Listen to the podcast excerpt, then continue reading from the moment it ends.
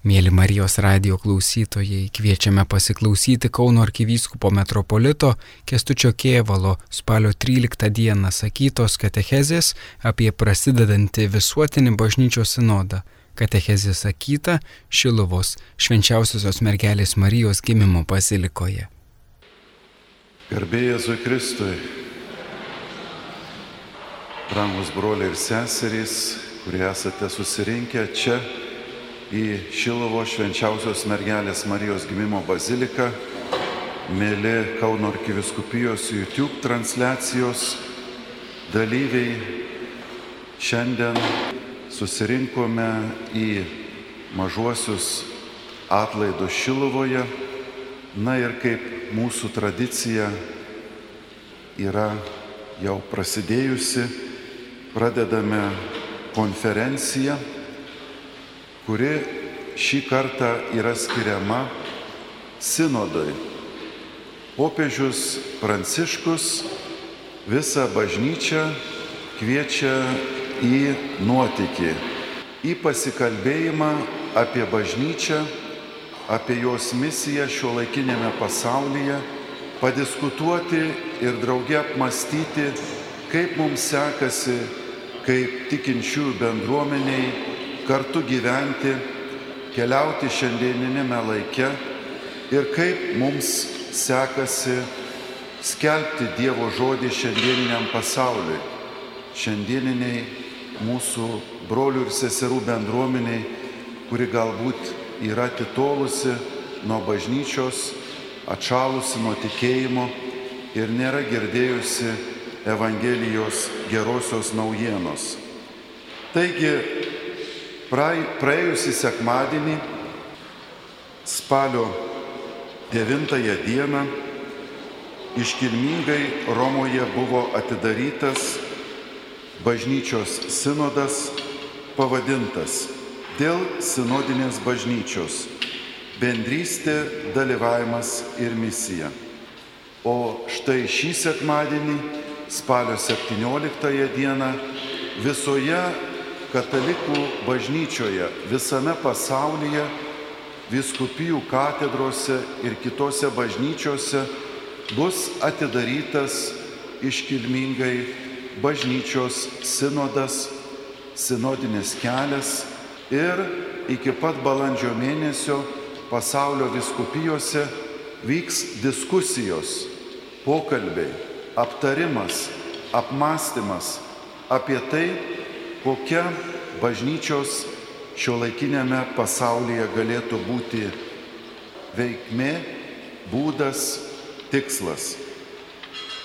Šiandien, kai aptarėme apie įvairias pasaulio aktualijas, nejučia pastebime, kad pasaulis labai greitai keičiasi, kad pasaulyje šiandien yra labai daug iššūkių.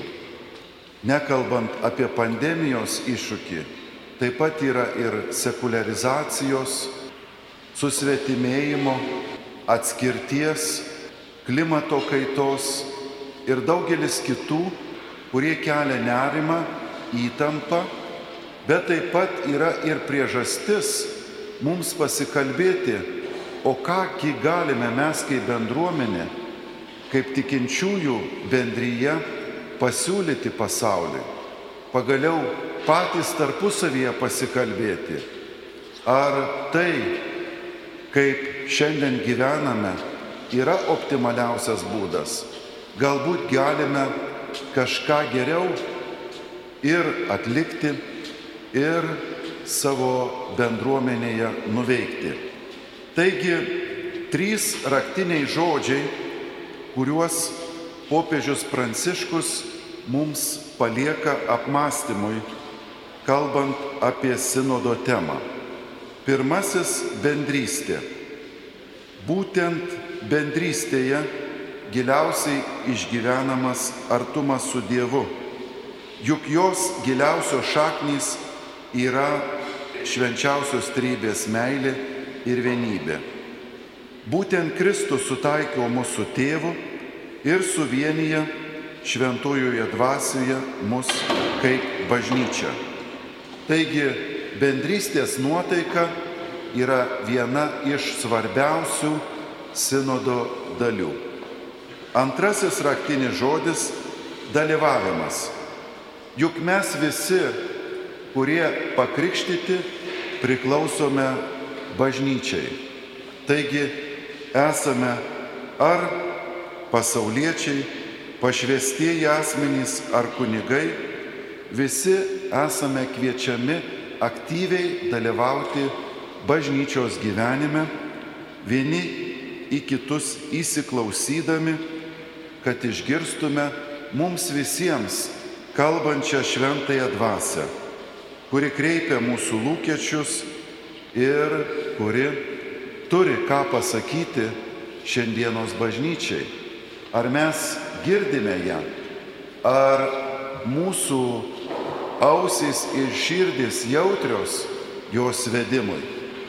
Ta galime sužinoti tik tai drauge, dalyvaudami aptarime, įsiklausime ir bendrystėje, melzdamiesi drauge, plėtodami dialogą, išvelgdami naujas šventosios dvasios paspirtis, priimdami naujus sprendimus.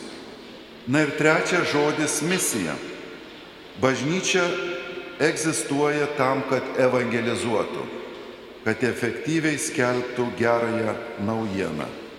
Mes šiandien padėjojame, kad labai nelengva perduoti tą gerą naujieną jaunimui, kad mūsų pačių šeimose štai vaikai nesiklauso tų svarbių patarimų, kurie taip daug amžių buvo labai gerbiami ir aiškus, kaip santoko šeimos gyvenimas, kaip pareiga švęsti Euharistiją sekmadienį, kaip pagalba vargšams. Taigi daug dalykų, kurie yra taip svarbus, o taip nelengva juos perduoti. Ir tai nėra tik tai mūsų krašto problema, tai viso pasaulio bažnyčios ir tikinčiųjų iššūkis, kaip tą gerą ir geriausią viešpaties mums duotą naujieną paversti tikrovę ir tų žmonių širdyse, kurie neteina į bažnyčią, kurie nesilaiko moralinių nuostatų, kurie pagaliau ieško Dievo dvasingumo, bet kažkaip bažnyčios netranda. Ar tai mūsų yra skelbimo netobulumas ir gyvenimo, nesakytume, gal toks nepakankamas liūdimas, ar tai yra nepataikyta į tam tikrą formą, būdą, kuris yra reikalingas moderniam gyvenimui ir visuomenė ir jaunam žmogui.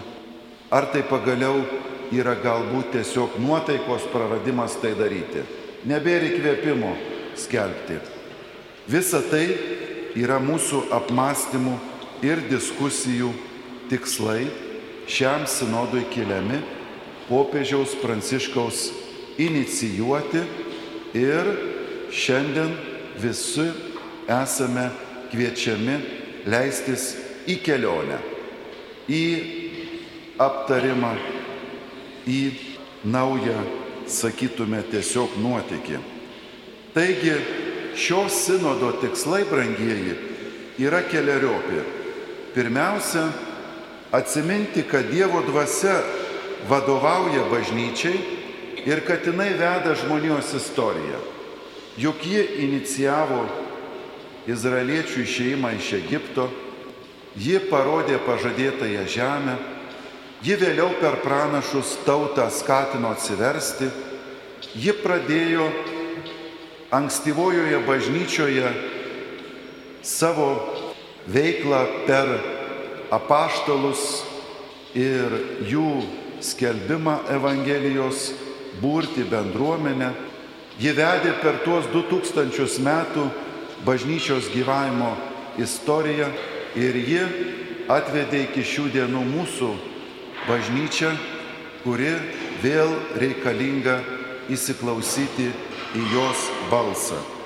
Ji kalba, ji įkvepia, ji patraukia. Ar mes ją girdim, ar mes ją vadovaujamės, ar šventosios dvasios įkvėpimai yra mūsų bažnyčioje gerbiami. Išgyventi dalyvavimu pagrįsta įtraukų bažnytinį procesą. Kitai žodžiais tariant, rasti būdą susėsti ir pasikalbėti. Mes visi galime aktyviai sudalyvauti bažnyčios ir ūkdymo, ir skelbimo, ir jos misijos procese. Kad tai įvyktų, turime susirinkti ir atpažinti Dievo dvasios dovanas ir charizmas, kurios mūsų bendruomenėms yra dovanojamos.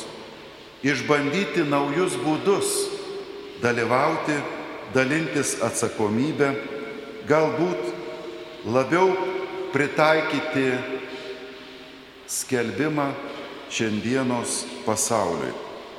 Tirti, kaip bažnyčios struktūros ir įvairios institucijos padeda šitam kilniam tikslui. Gal jos turi kažkiek keistis, prisitaikyti, gal jos turi naujai pažvelgti į savo vykdomus darbus, veiklas ir ten jėgas eikvoti, kur yra efektyvumas, o ne tik tai palaikyti senas struktūras, kurios jau galbūt yra įsikvėpę ir nebeduoda tokių vaisių, kokie norėtųsi. Pripažinti krikščionių bendruomenę kaip tą, kuri gali daug dalykų pasiūlyti pasauliui, kenčiančiam nuo nevilties, nuo suspaudimo, nuo įvairiausių, kaip čia pasakyti, įtampų, nes Dievo nemato, nežino, nepatiria, pagaliau nežino, kur rasti atsakymą į gyvenimo prasme. Krikščionių bendruomenė tai gali padovanoti, tačiau ji turi rasti dialogo su pasauliu būdą.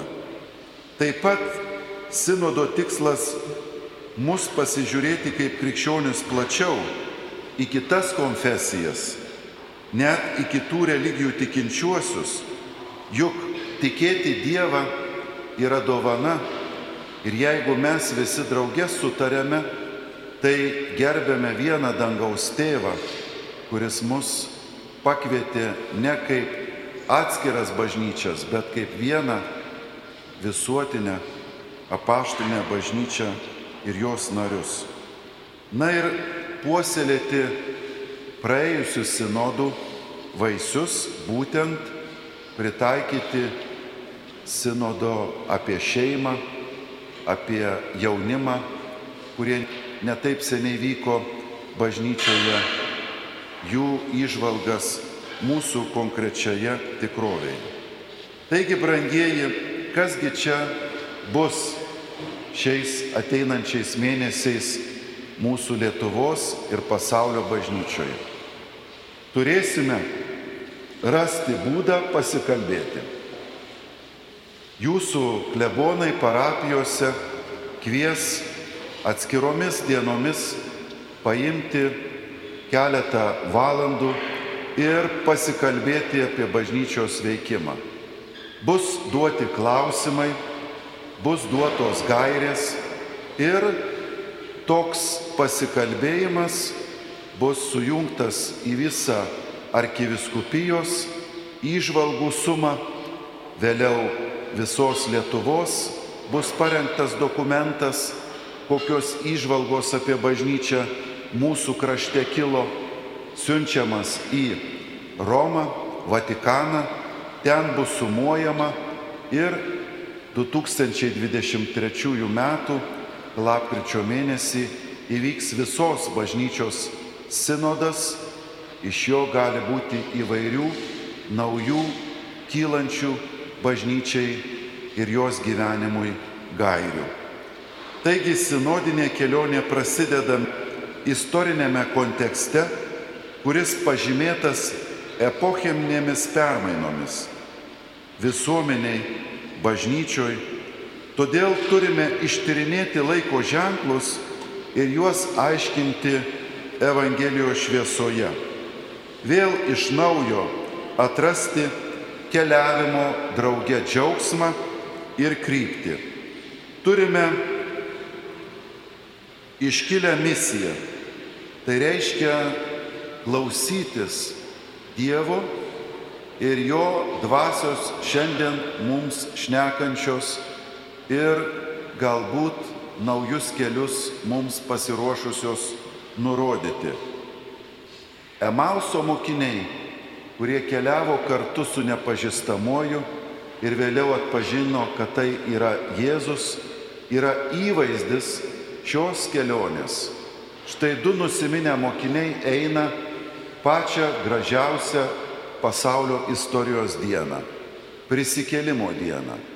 Jie nuliūdė, jie kalbasi apie visus tuos dalykus savo tarpe ir nors turi visas žinias, visas galimybės pažinti,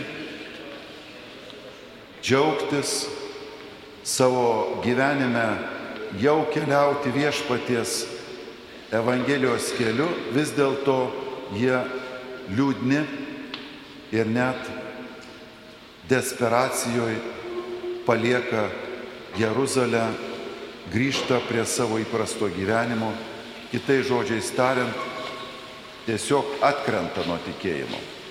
Ir štai prisiartina nepažįstamasis. Paklausė, apie ką kalba teidami keliu Ir viešpats jiems pradeda kalbėti, primindamas dalykus, kurie jiems nušvinta visiškai naujoje šviesoje. Rezultatas tos kelionės - užsidegusi širdis.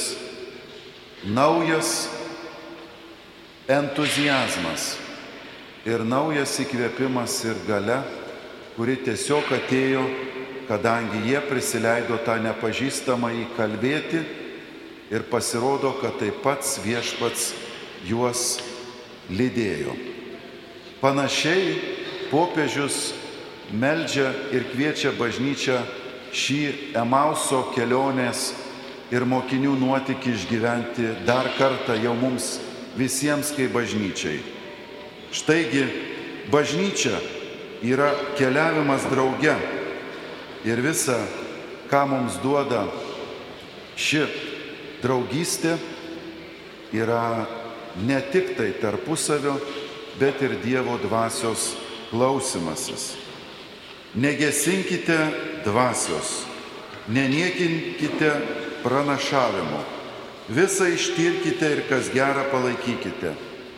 Taigi, pirmas laiškas tesalonikiečiams primena apaštalo Pauliaus žodžius bendruomeniai, kuri galbūt prieštaravo vieni su kitais nesutardami, galbūt didžiuodamėsi vieni prieš kitus, kad štai esą aš geriausiai žinau, o vis dėlto jis priminė, kad bendrystėje, šventosios dvasios veikime esame tik tai tiesoje. Taigi, evangelizacijos darbas išganimo žinia nėra įmanoma be atvirumo Jėzui ir jo dvasiai. Kaip tą atvirumą pasiekti? Mes matome, kad Jėzus bendrauvo su miniomis žmonių. Jisai klausosi kananietės priekaištų, kad štai ir pagonis arba kitaip tikintis trokšta Dievo, todėl ir mes norime dalyvauti viešpaties misijoje. Jėzus pagiria jos tikėjimą. Viešpats Jėzus kalbasi su Samariete prie šulinio, nors ji buvo, sakytume, reputacijos žmogus, kur galbūt visi atmetė, o ji pasirodo buvo viena iš labiausiai aistringų skelbėjų tame krašte apie Jėzų, kai jis su ją pasikalbėjo. Taigi Jėzaus pavyzdys klausyti žmonių, kurie net nepriklauso bendruomenė izraeliečių. Mums pavyzdys, kad ir mes turime klausytis galbūt tų, kurie nepriklauso bažnyčiai, bet turi ką pasakyti mūsų bendruomeniai, nes dvasia veikia ir jų gyvenimo. Juk dangaus tėvas yra vienas, taigi jis ir tiem žmonėms šneka. Galbūt jie gyvena klaidoje, bet jų išvalgos gali padėti bažnyčiai, o vėliau ir jiems patiems.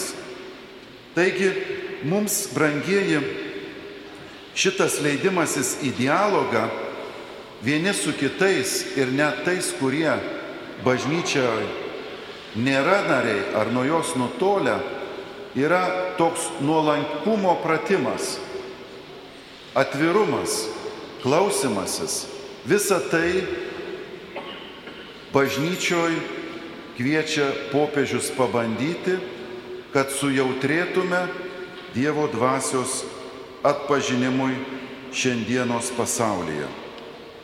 Tarp Jėzaus sekėjo paštalai, kurie taip pat drauge tarpininkauja Jėzaus misijoje, jie perdoda jo žodžius, bet apaštalai nėra tik tai privilegijuota kasta, kuri skelb gali tikėjimą ir Evangeliją. Visi esame pakviesti. Apaštalai turi tą tarnystę, tačiau jie negali būti vieni. Kaip pavyzdžiui žmonės sakytų, tai kunigai tegur skelbia tą tikėjimą, ką jie čia dabar. Jų toks pašaukimas, o mes pasiklausysime. Bet iš tikrųjų esame kviečiami visi būti skelbėjais. Todėl ta apaštališka misija dvasios dovanota mums visiems. Niekas negali pavaduoti mūsų, nes esame unikalioje aplinkoje, mūsų šeimose, darbo vietose, mūsų bendruomenėse, kur galbūt tik aš galiu, kaip tikinti žmogus, paskelbti ten Dievo žodį. Stilius, kurio prašo viešpats ir mūsų kaip e, tikėjimo bendruomenės laikytis, tai būtent atvirumas, klausimasis, dialogas ir bandymas atpažinti Dievo dvasios ir jo veikimo. Tai ne juokas, bet bažnyčia tai yra išbandžiusi ir istorijoje įdomių dalykų yra atsitikę. Štai Petras, apaštalas, išrinktas viešpatės, įsitikinęs, kad negalima, e, reiškia, valgyti maisto, kuris žydams yra suprantamas kaip suteptas. Ir štai jo įsitikinimas yra toks stiprus, kad jis kelbė jį ir kitiems, nors tuo pačiu Dievo dvasia veda visiškai kitų keliu bažnyčią ir tą moralinį nuostatą Petras turėjo pakeisti, nes atvykę pasiuntiniai ir Kornelijus dvasios pagavoje pradeda kalbėti, kad tas valgis, kurį Petras laiko suterštų, vis dėlto yra Dievo akise tinkamas valgyti, naudoti. Petras patiria regėjimą, kuriame jis pakeičia savo mąstymą apie šį supratimą, kuris atrodo nepajudinamas. Kažkas panašaus galbūt yra ir šiandien kviečiama bažnyčioje mūsų popiežiaus pranciškaus atsiverti, kaip šiandien atliepti iššūkiams, kurie šiandien mūsų ištikę yra, kad efektyviau perduoti tikėjimą. Kokios priemonės, brangieji, šiam sinodiniam keliui? Pirmiausia, visi esame lygus, bendra keleiviai, suprasti, kad greta vieni kitų esame keliaujanti bažnyčia ir čia nėra kastų, elito ar privilegijuotųjų. Visi turime būti lygiai verčiai bendruomeniai esantys pašnekovai, kuriems viešpats kalba, todėl turime vienų kitų klausytis, turėti atvirą širdį, atsisakyti iš ankstinių nuostatų, nors galbūt jie ir skamba netikėtai, keistai, vis dėlto turime vieni kitiems padovanoti dėmesį. Tada kalbėtis drąsiai, vadovautis laisvės, tiesos ir meilės principų. Juk jeigu aš tik tai gyvenu savo ir nenoriu dalintis išvalgomis, kurie galbūt labai svarbus būtų bažnyčiai, aš nuskriaudžiu šią bendruomenę, nes man viešpas galbūt ypatingų būdų kalba. Aš turiu tai pasidalinti. Švesti draugę, klausytis Dievo žodžio, Eucharistiją švesti. Visa tai mums primena apie draugę keliavimą. Esame bendroj atsakomybei už bažnyčios misiją, kadangi visi esam jos nariai. Mūsų bažnyčia yra susirinkimas, kaip išvertus iš graikų kalbos tai reiškia. O tai reiškia gilia prasme ir sinodališkumą. Esame bažnyčia, kuri turime kalbėtis tarpusavį draugę ir kalbėti su pasauliu. Juk turime nepaprastai galingą patirtį, išmintį, kuri sukaupta per tūkstančius metų. Kaip tą išmintimi pasidalinti su pasauliu vėl yra mums iššūkis, bet taip pat ir naujos galimybės. Dalyvavimas, bendra atsakomybė, klausimasis, įžvalgos, sprendimai - visa tai ugdo bažnyčios brandą, įgyvendina jos sinodališkumą ir keliaudami drauge galime tikrai atpažinti šiandien kalbantį Dievą mūsų širdims ir galbūt nustebinantį mus naujais įkvėpimais, padrasinimais, naujomis kryptimis. Toks yra šito sinodo tikslas.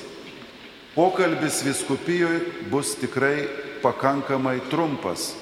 Balandžio mėnesį Lietuva jau turi siūsti dokumentą į Vatikaną, kuris ten bus sintezuojamas su viso pasaulio bažnyčių viskupijų dokumentais į gairias, kurios guls jau į popiežiaus pranciškaus dokumentą 23 metais. Bet mūsų išvalgos labai svarbios. Todėl sekite parapijų naujienas, lebonai kvies į keletą susitikimų pokalbėms, vėliau atsiųsi kurijas įžvalgas ir tokiu būdu mes turėsime viešpaties prakalbinimo rezultatus. Bus įdomu išgirsti ir mums visiems patiems, kokios įžvalgos kilo, kokios mintys buvo išdistiliuotos, pasiūlytos, svajonės pristatytos.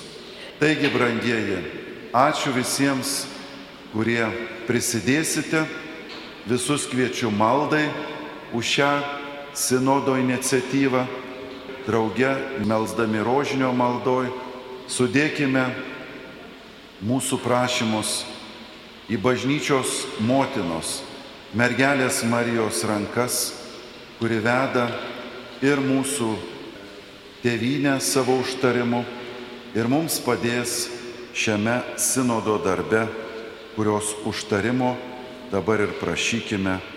Amen.